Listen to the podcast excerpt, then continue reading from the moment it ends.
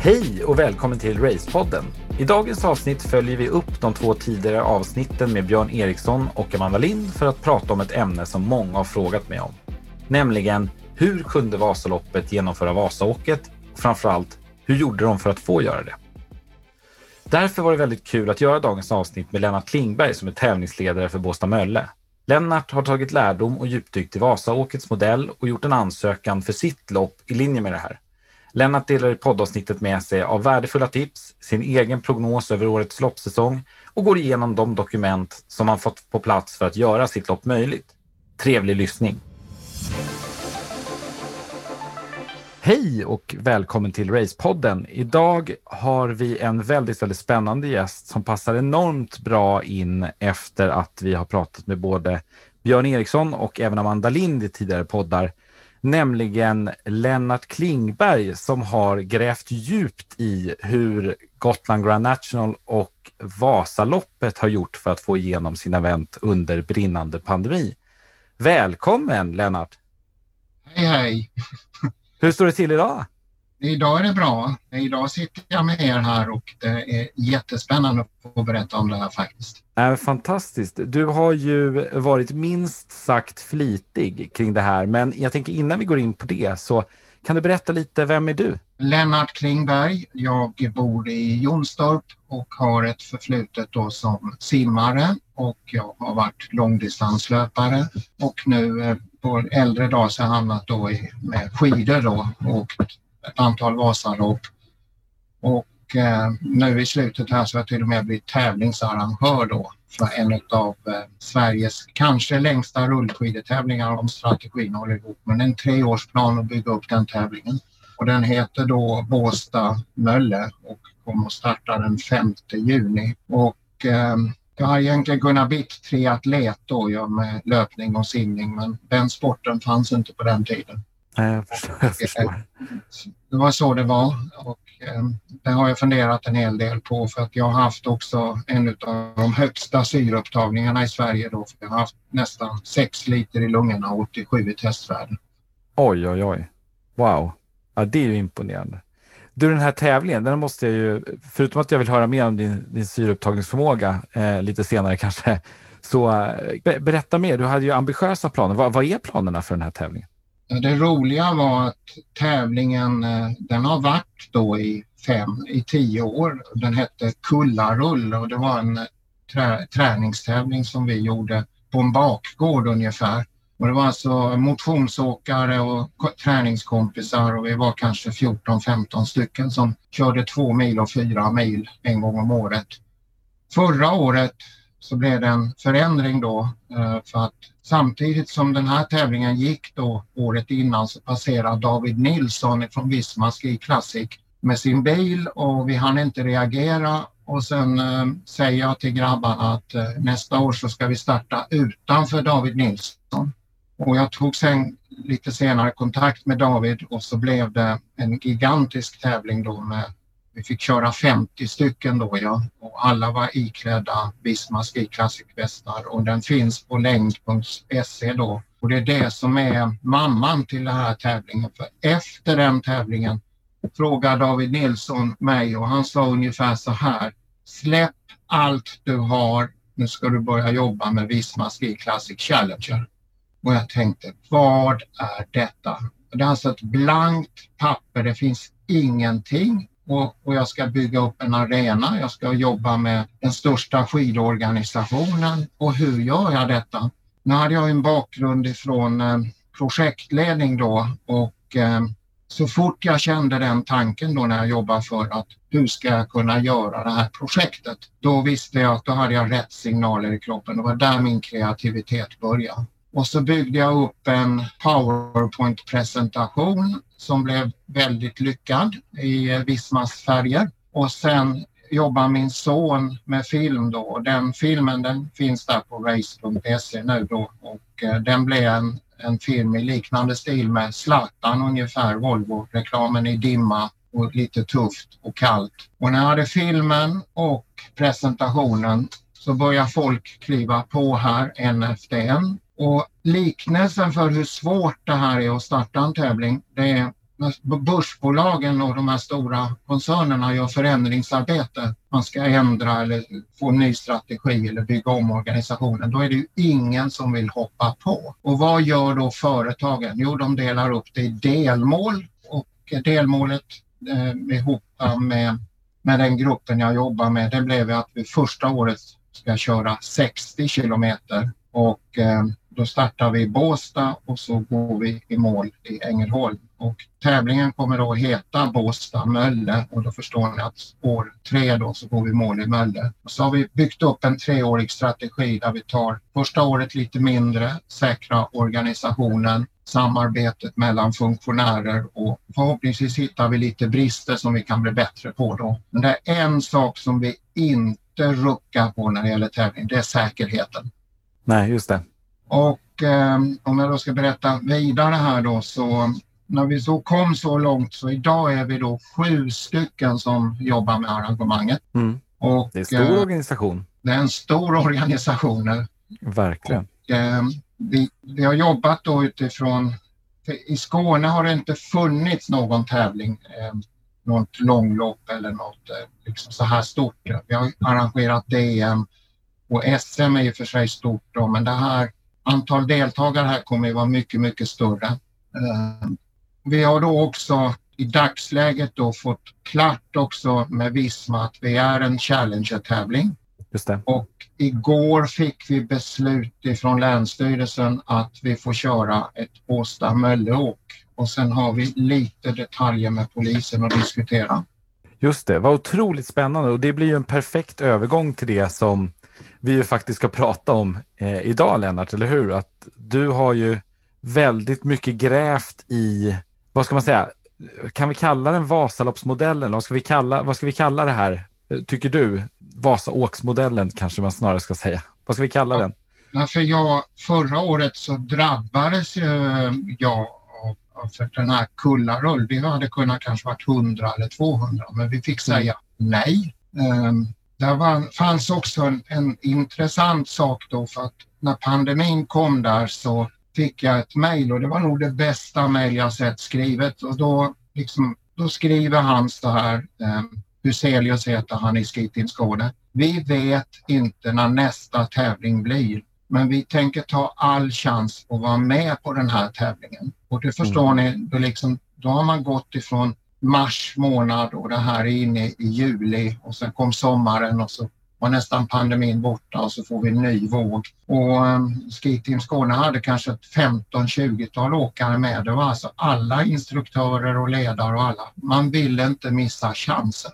Och eh, många saknar ju nu sina tävlingar och får inte göra, inte minst klubbarna då som inte får arrangera sina tävlingar på grund av pandemin. Men i botten botten i det här så är det ganska intressant när man gräver sig ner då för att arrangera en tävling utan att det är en tävling, den möjligheten har funnits alltid. Mm.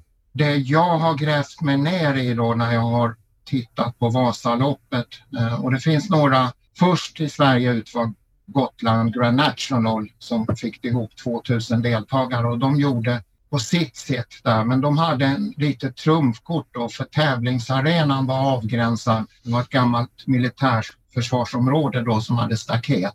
Just det. Så kunde man släppa in antal deltagare och eh, jag tror från början hade de tio stycken servicekillar inne men nu fick de bara ha en per åkare. Och så kunde man göra och sen pratade de med smittskyddsläkare och alltihopa så fick de till det här i augusti månad. Ju. Um, så där står vi och eh, där finns, jag har även pratat då med Vasaloppet hur de har gjort och där har jag haft två dialoger med vdn och eh, fått värdefull information för det här att göra det här som jag gjorde från blankpapper är inte lätt då, men det är det jag ska försöka berätta om nu, hur man gör detta och dela med mig. Just det, precis. Och det är Precis det. Om jag har förstått det rätt så har du tagit, du har egentligen en, en, en modell på sex steg. Eller hur, ska vi, hur ska vi förklara den här Lennart? Vad tycker du i dina egna ord?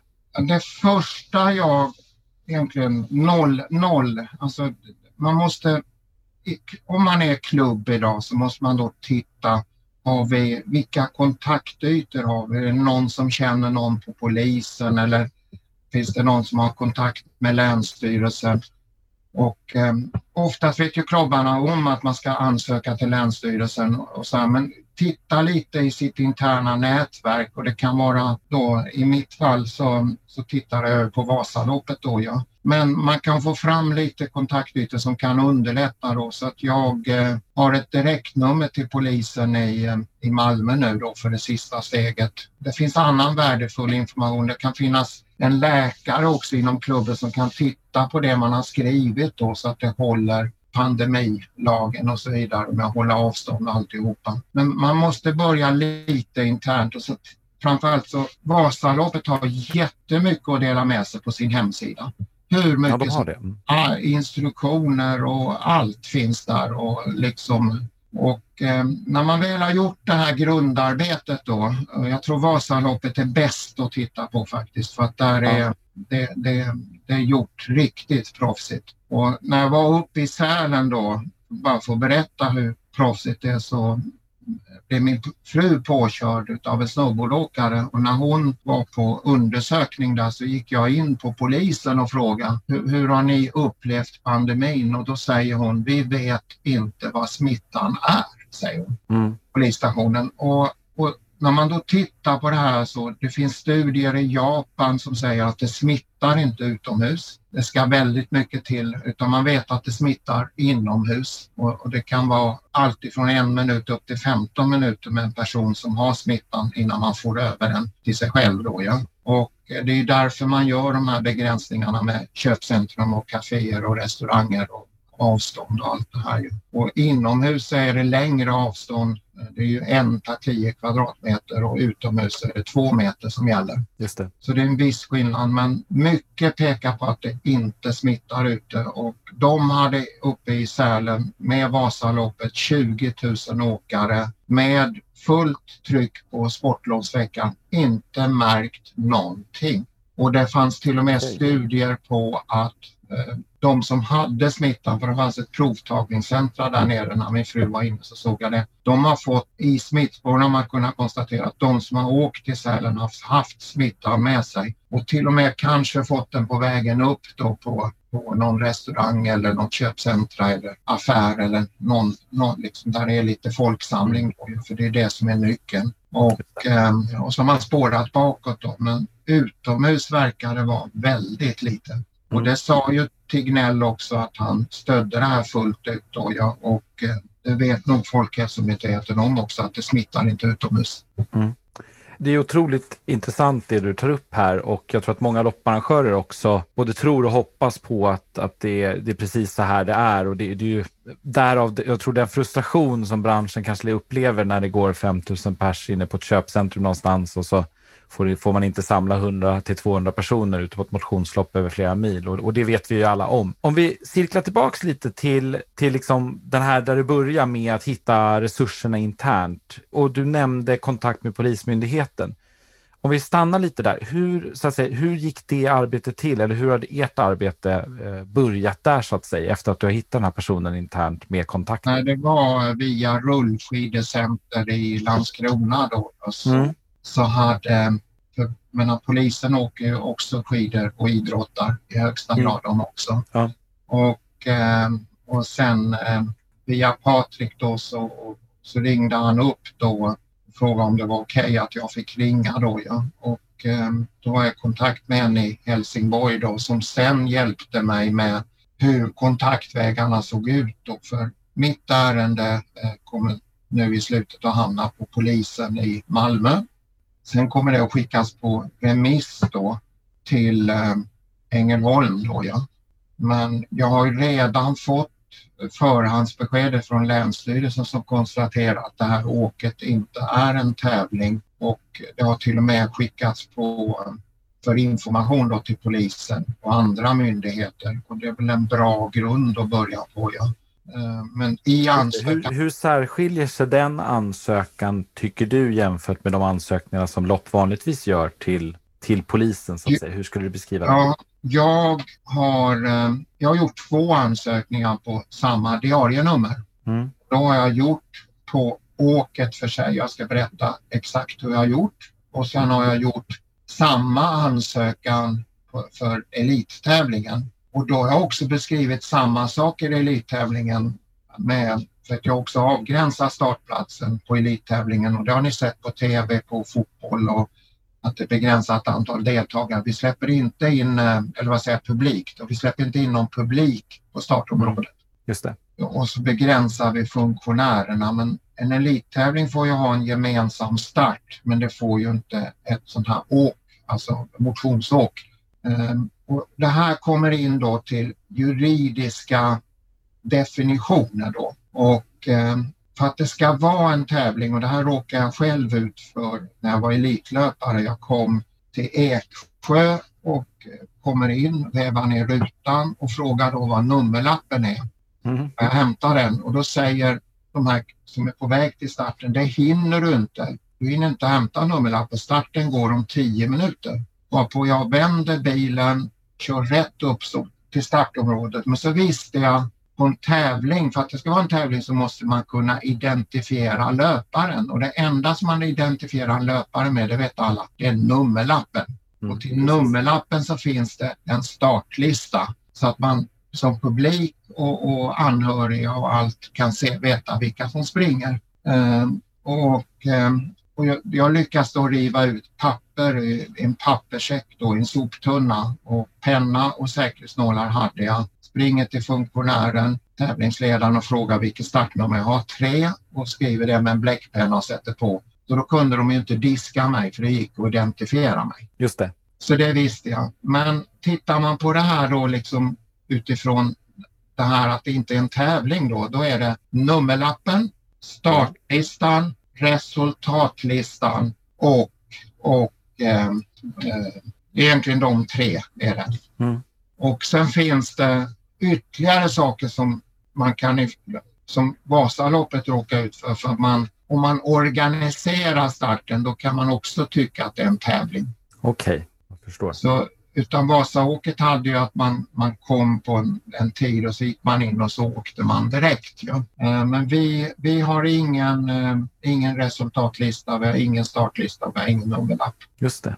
En fråga där, för det, det, har jag fått ganska många frågor om just med Vasaloppet. Det här skulle vara intressant med din take på det här innan vi så att säga går vidare in i din, din modell och det är ju Vasaloppet hade ju såklart Vasaåket där de gjorde precis som du beskrev med de här med starttiderna. Sen hade de ju även så att säga det stora loppet över Nattvasan där det kanske har varit en, en hel del mycket fler startande. Hur, hur ser du på den biten? Hur de har kunnat liksom ställa upp så många människor på, på en startplats utomhus som såklart är vida över åtta personer? Då kan jag berätta, den dagen jag åkte då var det 24 startande på 9 mil. Mm, ja men precis, och det var ju Vasaåket. Jag tänker på ja. själva loppdagen. Ja. Var det för att de då löd under någon form av elitregler eller? Ja, alltså där gjorde man ju så att man eh, för elit, alltså elit är ju inte stoppat. Vi ser att det går mm. utförsåkning på tv och det är Eurosport och vi ser att inomhus-EM har gått och så vidare. Absolut. Och eh, då, eh, då jobbade man med, med förbundet då ja. Och Eh, eh, för att professionella åkare, kan, de som lever på det, de kan man aldrig stoppa för det är deras rätt att gå till jobbet.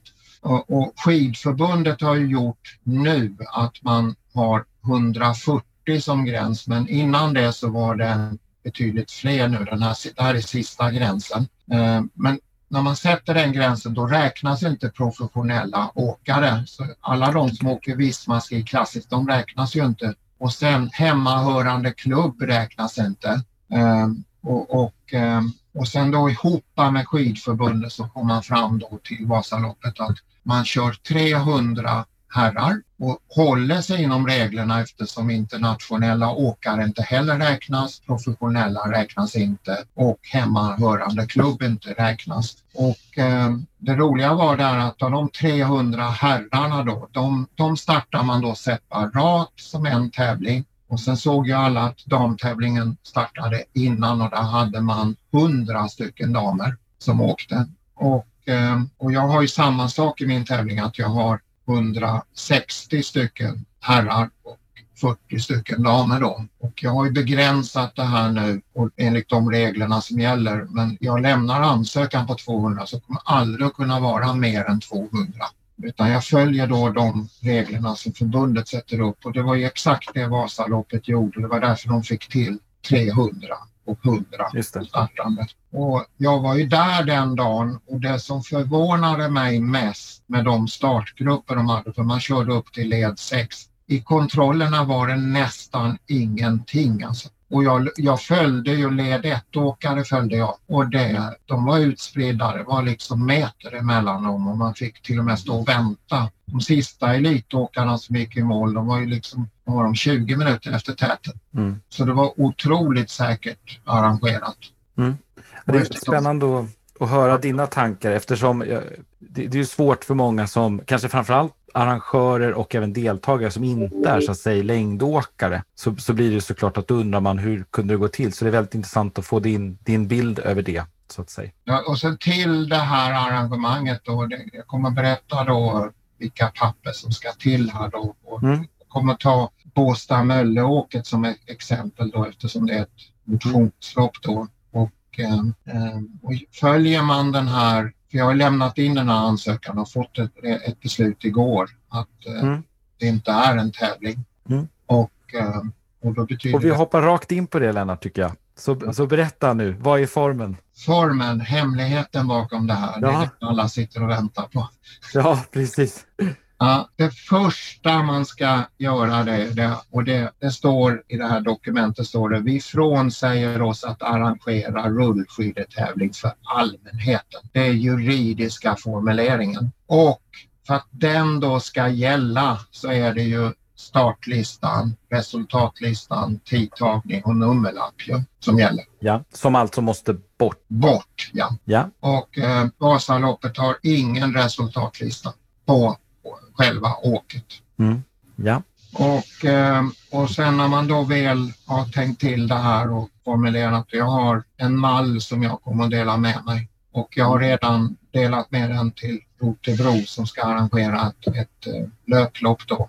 Följer de det här kommer det bli rätt. Sen ska man då komma ihåg en sak till. Man måste lämna det här till Länsstyrelsen och här var lite roligt då för när vi sitter och myndigheterna ringer och vi ska komplettera och jobbar och sen säger vi på mötet då säger Sven så här Ja men herregud, det här är ju inte ansökningsbart. Det är ju ingen tävling. Det finns ju ingen blankett. Nej. Det står alltså på blanketten tävling. Och och jag ringde ju upp juristen och sa, liksom, hon skrattade då liksom, men grejen är att man måste göra det här rätt då ja. Och så får man använda den blanketten, det står tävling på. Så det är lite roligt då, men i grunden då så kanske det inte är ansökningsbart om man hade drivit den frågan. Men nu, nu vill vi liksom göra rätt och så få ett beslut att det inte är en tävling. Och då, då gör man det jag säger då. Man frånsäger sig att arrangera rullskidetävling för allmänheten. Det är den formuleringen. Jag förstår. Ganska ja. enkel. Ja. Eh, det man sen gör när man har gjort det där, då får man ju bara titta på hur går det här åket till? Och det jag tror då, för det ligger ju ett lagförslag då, eh, mm. förändringar och Amanda Lind och, och så Björn Eriksson har ju du intervjuat. Ja. Och det har ju varit ute då på remissrunda. Mm. Och min gissning är att det liknar nog lite det jag har gjort. Och, och okay. eh, mm. eftersom Länsstyrelsen säger att många vet inte, den här möjligheten har ju funnits då ja. Men det man mm. kanske vill göra och har sett då utifrån Vasaloppet har säkert kanske varit initiator till det här också då. Ja. Så min gissning är att det kommer vara väldigt likt det jag gör, att man, man måste ansöka och eh, man vill göra ett motionsarrangemang. Man kanske till och med frånsäger sig tävlingsbiten. Mm. Och sen är det en, en pandemi igång då så då har jag gjort en instruktion då med, på startplatsen också. Och det var ju väldigt tydligt på Vasaloppet att man, man skulle komma på en utsatt tid och så vidare och, man skulle kunna ge sig iväg. Och, eh, och då, då skriver man den då liksom. Då har jag första start klockan 10 och sista start klockan 14. Men det kommer ju gå i vart eftersom åkarna kommer in då så att det inte blir en folksamling. Och, ehm, och Just det, så att den här, den här instruktionen är ju ett, ett tvåsidigt dokument kan, kan vi säga här för alla som sitter och lyssnar och eh, där precis beskriver då startplats, start, parkering, avlämna deltagarchip eh, och så vidare. Mm. Så, att, så, att, vi målar upp en bild över hur det ser ut och, och eh, lite så. Ja, och vi till och med skriver att eh, det är ingen publik och det är avspärrat. Och det såg man på Vasaloppet för målgången som Vasaloppet hade, den var kanske 25 gånger 25 meter. Det. var väldigt lite och så fort man kommer ut ur den arenan, målarenan, då gäller allmänna regler. Just det. Och, och sen stod det, efter banan stod det att eh, publik var förbjudet. Eh, det var skyltar uppsatta då ja. Och vi kommer ha två vakter där uppe på eh, målområdet så man kommer inte in mer än de mm. som ska åka. Eh, och det kan jag ju säga, jag var ju också uppe på och stöttade lite när Johan och hos oss och Daniel Tunnell åkte sitt Vasaåk och eh, det var ju väldigt tydligt både uppmarkerat på, på, jag tänker på de här klassiska stationerna så var det väldigt tydligt avgränsat och jag kan till och med dela med mig av bilder eh, på något sätt när vi sammanställer det här Lennart, eh, även från Vasaåket så att, så att alla kan se hur, hur det faktiskt såg ut. För det var väldigt tydligt mm. avgränsat och, och så. Mm.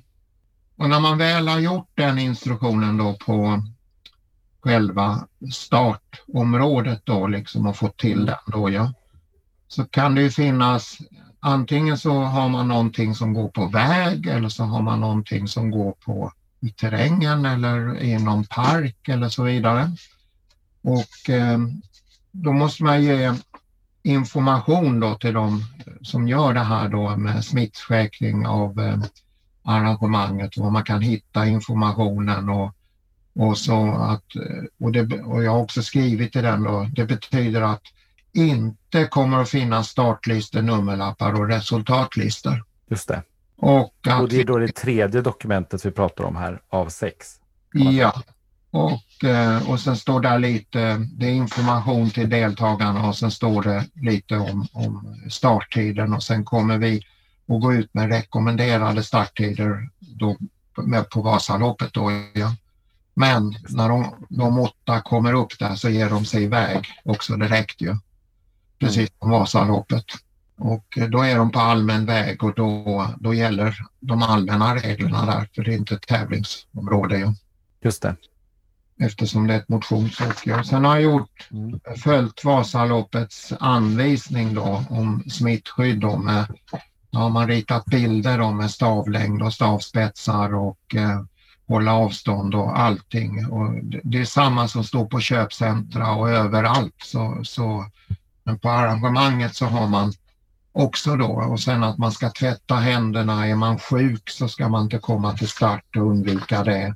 Och, eh, och sen när man står i kö så ska man då också hålla avstånd. Det är precis som ett köpcentra. Just det. Och, och det här dokumentet som egentligen är det fjärde dokumentet vi tittar på nu som är anvisning om smittskydd. Anvisningar. Är det någonting som eh, skickas ut eller är det någonting som du ämnar att sätta upp på olika platser kring loppet eller är det både och kanske? Nej, det är först... Eh, det, jo, det, vi, vi, ska titta på det. är möjligt att vi skickar faktiskt ut det dokumentet ja. eftersom vi har mejladress då på alla som anmäler sig. Och, eh, och... Anledningen till att jag frågar Lennart är för att när jag var på plats där på, på Vasaåket så, så jag känner igen de här bilderna från, från Vasaloppet, eh, med, eller Vasaåket med, med de här hålla avstånd till andra personer. De, de var ju uppsatta lite överallt faktiskt, ja. längs hela sträckan. Så det är därför jag frågar om ni, ni tänkte också sätta upp de här längs med, om det fanns något, nu, något krav man, eller någonting där. Nu, längs väg så får man inte sätta upp vad som helst. Nej, just det. Allmän plats, ja. Ja, och, eh, eh, och det är därför vi förhåller oss då till åtta stycken eh, startande, för det, det är vad som folksamlingen tillåter då. Skulle det bli fyra så kommer vi släppa fyra då. Ja. För huvudgrejen är att det här inte är en tävling och man kan inte hindra någon från att göra motionsaktivitet. Just det.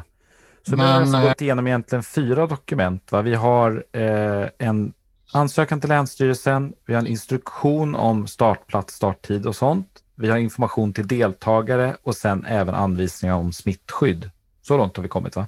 Ja, och sen har vi en instruktion målgång som i nästa, det femte dokumentet. Ja, då, ja. Mm. Och då uh, har vi ju liksom paketerat målområdet men vi har även sett till att innan mål att det inte är publik för det var så på Vasaloppet så där har vi vakter.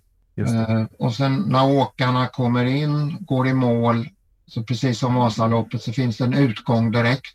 Mm. Snitslad bana och så fort de har lämnat arenan där uppe, ja, vi gör allt då för att hindra alltså att det blir folksamling och sen går man lugnt och fint ner och så hämtar man sina överdragskläder där nere 200 meter från 300 kanske och det var samma upplägg på Vasaloppet. Mm. Och den här var lite knivig då när vi satt för eh, från början ville vi gå i mål här men under resans gång så ändras regler så vi tittade till och med på andra målområden. Man får vara just kanske på den här delen så får, för nu är det här området väldigt bra. Det är inte inne i city. Det ligger avgränsat, det ligger utanför Ängelholm då, men man får reviewa det här liksom i den gruppen man sitter då i klubben och så. Men det blir betydligt lättare när man har alla de här dokumenten som jag har, till och med powerpointen skickar jag med då i originalskick så att man kan bygga sitt eget målområde. Ja, det är fantastiskt. Mm. Eh, det sista man gör då och det, då har man liksom uppfyllt kravet om man har frånsagt sig och man har definierat start och mål och instruktioner och med liksom allt. Mm. Då fyller man i ansökan om tävling och då hör du ju hur fel det är där på det ordet. Just det, precis. Och det är ju alltså en ansökningsblankett hos Länsstyrelsen egentligen. Ja, det är en ansökan om motionsåk då och sen mm. Det var ju här som blev lite roligt då. Även hon på Länsstyrelsen skrattar ju då liksom. Jag sa, finns det någon blankett jag kan fylla i? Utan nu får vi använda tävlingsblanketten då. Och mm. Det kanske inte är ansökningsmål men jag tycker att man gör det här för vi har sett i tidningarna och då har polisen kommit och så har man menat på att det är en tävling. Men här har jag ju då svart och vitt på att det är en tävling. Jag tror till och med det var ett längdskidlopp uppe i, jag vet inte exakt, men då kom polisen och stängde av hela arrangemanget. Ja, det var så. Ja, och det vill vi ju inte. Så använd blanketten för tävling, men det är ett motionsår. Mm, jag förstår. Ja, okej. Okay. Ja, ja. Eh, mycket spännande. Så då har, det här är egentligen dina sex steg eller sex dokument som du har använt för att ansöka då om ja. om Båstad-Mölle-åket egentligen. Ja. Eh, om vi då går vidare på, nu, nu säger du att du har fått, fått svar och hur många hoppas ni så att säga kommer kunna genomföra det här totalt sett? Finns, har du någon övre begränsning där som du ser? Nej, jag har ansökt på 200 mm. och fått det juridiskt godkänt av eh, juridiska avdelningen på Länsstyrelsen. Mm. Och eh, det var några Jo, så man får ju, går man på väg så får man ju skicka in eh, trafikanvisningen också. Just det, och vilket steg gör man det så att säga? Det, är det i Länsstyrelsen? Ja för, ja, för tittar vi på många lopp idag, liksom eh, Alliansloppet eller Stockholm Marathon eller mm. Göteborgsvarvet eller vilket som helst, så då, då har ju de fått ansöka om, då går man in med något som heter trafikanvisning. Och den, den hade vi klar långt innan för vi, där kan man också göra så här att man begär förhandsbesked på den. Och det gjorde vi för ett halvår sedan. Och, eh, och fick då de grova anvisningarna på, på väg då ja. Och, eh, och, eh, och det, det roliga är då när de har skrivit beslutet här då, det är ju att de har skrivit att de allmänna reglerna gäller och att vi följer de trafikanvisningar som är då ja. Och det är precis så som man kör när man tränar då ja. Men man måste lämna in alltså också en, en trafikanvisning hur banan ser ut. Mm. Men kör man i en park eller liksom i, liksom i någon skog eller, eller någonting då, då behöver man inte lämna in det då ja. Mer än att tala om var man kör någonstans. Ja. Just det. Um, och det finns orienteringsklubbar som har avgränsat tävlingsytan och så inom det området så har man bara kört ett antal startande och så utanför det gäller de allmänna reglerna. De har ju också vad jag förstår ansökt och fått liksom rätt då ja. Så det finns mm. några exempel här men de är inte många. Nej, Nej de är verkligen få. Mm. Eh, när det gäller ert åk, eh, Vasaåket skedde ju under flera veckor Eh, hur lång tidsspann ser du på ert, så att säga, BM-åket? Jag vet inte vad vi ska kalla det BM-åket. Jag bara står Jo, Båstad Mölleåket, då har ja. vi ju klockan 10 till 14 då ja. Mm. Så det är en dag egentligen som ni möjliggör för de här 200 Man startar mellan 10 och 14, det är en dag. Men nu kommer, när de gjorde Vasaåket då, till exempel på, jag tror det var lördagen, då var de ju 3000. Ja, precis. 2,8 var de eller något sånt. Och 200 är ju inte mycket på 40, 40 kilometer väg. Nej, jag tänkte mer på hur, hur arrangörer kan tänka så att säga de flesta arrangörer rent krasst är ju ja. inte så stora som Vasa, Vasaloppet är såklart, utan man har ju mycket mindre, eh, mindre deltagare. Och då är ju 200 kan ju vara tillsammans med en elit, ett elitlopp kan ju ändå bli ett normalt lopp för många. Jag tror det viktigaste för klubbarna är egentligen alltså de, de är ju Ekonomin är torrlagd ja, och mm. eh, inga intäkter kommer in. Ja. Och, eh, titt, och, och, då den här nya lagen som kommer med motionsfolk, min gissning är att lagförslaget kanske ligger runt 400. Mm. Men sikta inte på 1000 då för då, då krävs det ju mer organisation. Eh, men nu var ju Vasaloppet ännu mer, men de har också en organisation som klarar av det. Alltså, mm. Du kan ha ett arrangemang och en liten klubb och helt plötsligt så blir det 20 000. Det klarar man liksom inte av. Ja.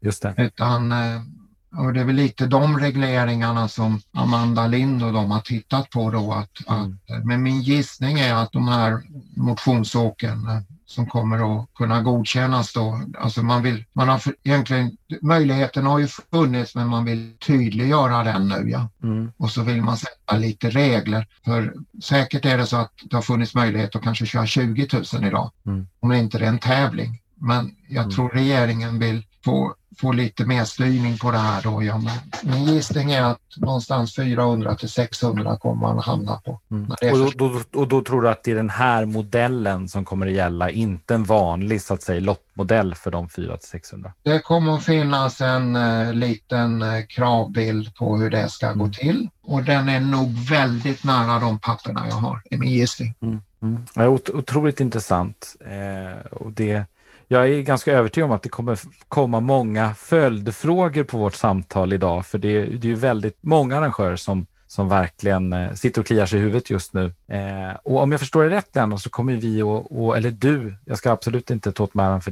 dina, dina ansökningar. Kommer du dela med dig av det här för att, för att du vill få fler att komma igång med sina verks, loppverksamheter, om jag förstår det? Ja, nej, alltså idrotten har ju varit en stor del av mitt liv. Och, mm. och, och, jag har fått ut så mycket av idrotten. Jag har till och med varit heltidsanställd löpare en sommar och jag har fått liksom springa för Sveriges bästa klubb och jag har fått hur mycket som helst och träffat vänner och, och, och fått gratis boende och alltihopa. Och för mig är liksom hela arrangemanget på Stamölle, där, där, där delar vi med oss av allt. Mm. Och, och kan vi då hjälpa andra att få igång och, så tror jag att de är så glada så de hjälper oss också med lite marknadsföring och, och så. Ja. Så att det, det, vi gynnas alla av att få igång idrotten och den, den är död alltså just nu. Mm. Det, det är väldigt tufft och svårt. Eh, ja. Så, så är, är det ju lite synd också att möjligheten har funnits då liksom och den har inte fångats då. Ja. Och om det är nu med den möjligheten som regeringen gör ännu tydligare och kanske sätter någon begränsning då, men jag, jag tror att jag är väldigt nära den lösningen. Mm. Ja, vi följer den här utvecklingen väldigt noggrant och det är därför det är så otroligt relevant tycker jag att, att ta upp din modell för att den är ju, om det är där vi kommer landa så är det ju många tror jag som kommer kunna titta på den och genomföra och det, det ska vi ta med oss. Ja, eh, jag ska säga så här, ja. det är kanske, man, man ser inte alla frågor och man ser inte problemen och man ser inte möjligheterna då. Men det är ju faktiskt så här, vilket då är, här, här kommer regeringen då med ett förslag mm. och det kommer då fram kanske i maj månad säger vi. Eh, men min uppmaning till klubbarna det är att börja ansöka nu för du ska ansöka fyra månader innan. Så alltså ansöker du idag så får du ha tävlingen i, vad blir det, juli. Mm. Och vi kan ju inte sitta och vänta på att inte ansöka. Sen tror jag att, att eh, om man nu fyller i det här rätt så då går inte det in i administrationen för det går ganska fort det här beslutet att det inte är en tävling. Mm. Så det är ännu viktigare, sitt inte och vänta utan eh, börja jobba nu skulle jag vilja säga för att mm. inte hamna, för det administration på fyra månader. Eh, jag har eh, jag ligger ganska rätt på det och jag har fått ett ja. Och, och mm. det är ju de som har tävlingar i sommar och alltihopa och eh, sitta och vänta på regeringen behövs ju inte när möjligheten redan finns. Mm. Ja, otroligt spännande. Eh, känner du Lennart att vi har missat att prata om någonting i den här modellen eller ert resonemang kring, kring hur ni har jobbat med det här? som du vill förmedla till lopparrangörer där ute? Förutom just nu att det är dags att sätta igång redan nu. Ja, nej, alltså egentligen missat då liksom. Sitt inte och vänta vill jag säga en gång till. Mm. Sätt igång och få upp era arrangemang för ni har möjlighet och sen det kommer en lagstiftning och går ni in med ansökan och gör det här så är ni ju klara. Mm. Ja, otroligt eh, värdefullt och eh, insiktsfullt och vi kommer göra så här Lennart, att vi kommer se till att alla de här dokumenten finns eh, på ett ställe eh, där vi säkerställer att vi länkar också här i, i, ifrån podden. Och sen så kommer vi säkerställa att vi också eh, har möjlighet att, att följa upp det här vidare med, med kanske frågor på något sätt, eh, antingen till oss eller till dig. Jag vill tacka dig så himla, himla mycket för att du kunde ta dig tid och för att du delar med dig, vilket är fantastiskt. Eh, och som sagt, det här samtalet i podden. Så ett jättetack till dig. Nej, det är jättekul och kan då både Race och, och vi på Båstad och alla andra då liksom få igång idrotten nu så, så är det ju en otroligt viktigt nyckel i det här. Ja. Vilket ja, jag verkligen. är väldigt, väldigt glad faktiskt för att eh, eh, hela den här frågeställningen här, den har inte varit lätt att sätta sig in i. Nej, har varit, eh, till och med blanketten då som jag sa är, är felaktig när det står tävling. Ja, ja, det ja jag, jag förstår att det är helt, helt omöjligt. Mm. Du som en sista fråga Lennart. Eh, när den här pandemin är över, har du någon tävling, utmaning eller äventyr som du siktar på, som du just nu längtar efter? Jag, eh, jag hade ju ett, stort, stort mål. Det var ju, och det, det uppnådde jag. Eh, jag tränade ju då, jag försökte mig på Vasaloppet och så stakade jag förra året i den tunga snön. Jag kom bara till Evertsberg. Mm. Men eh, efter det gick jag ju upp då på ännu tyngre hjul. Ja. Och Ehm, och så kunde jag göra det då tack vare motionsåket då. Ehm, men jag ska nog ge mig kast och göra det på tävlingsdagen också. Mm. Det, det... Så, så stakar det hela vägen från Bergaby till Mora helt enkelt? Ja, jag, jag har misslyckats med det då så att jag vill ge, jag tar ett försök till även om alla andra säger att för det är tufft att stå i backen och hänga på stavarna och det är blankt. Mm. Det är... Ja, jag förstår. Det, eller jag förstår inte ska jag säga, jag är inte den, men, men Johan hos oss skulle garanterat förstå. Eh, han som för förra året hände det en kul grej då, för då fick jag en stavspets på skidan och trillar och så tänker jag herre Jesus, 12 000 skidåkare kör, kör över mig. Jag var uppe på, ja, en sekund var jag uppe. Jag har aldrig kommit upp så fort. Ja. Nej, ja. Det, lå, det, låter, eh, det låter väldigt, lite för spännande kanske. Tänka en hel del på den sekunden det var möjligt. Ja. ja, det är otroligt inspirerande att prata med dig Lennart. Eh, jag tackar så jättemycket igen och eh, till alla er som har lyssnat vill jag också tacka så jättemycket och vi kommer garanterat att följa upp det här i alla våra kanaler på Race ID, så se till att följa oss på Facebook och Instagram eller om du kikar in på raceid.com så kommer vi säkerställa att vi länkar alla de här dokumenten eh, och fler uppföljningar eh, med Lennart och kring det som Lennart pratar om. Så tack så mycket och på återhörande. Hej då!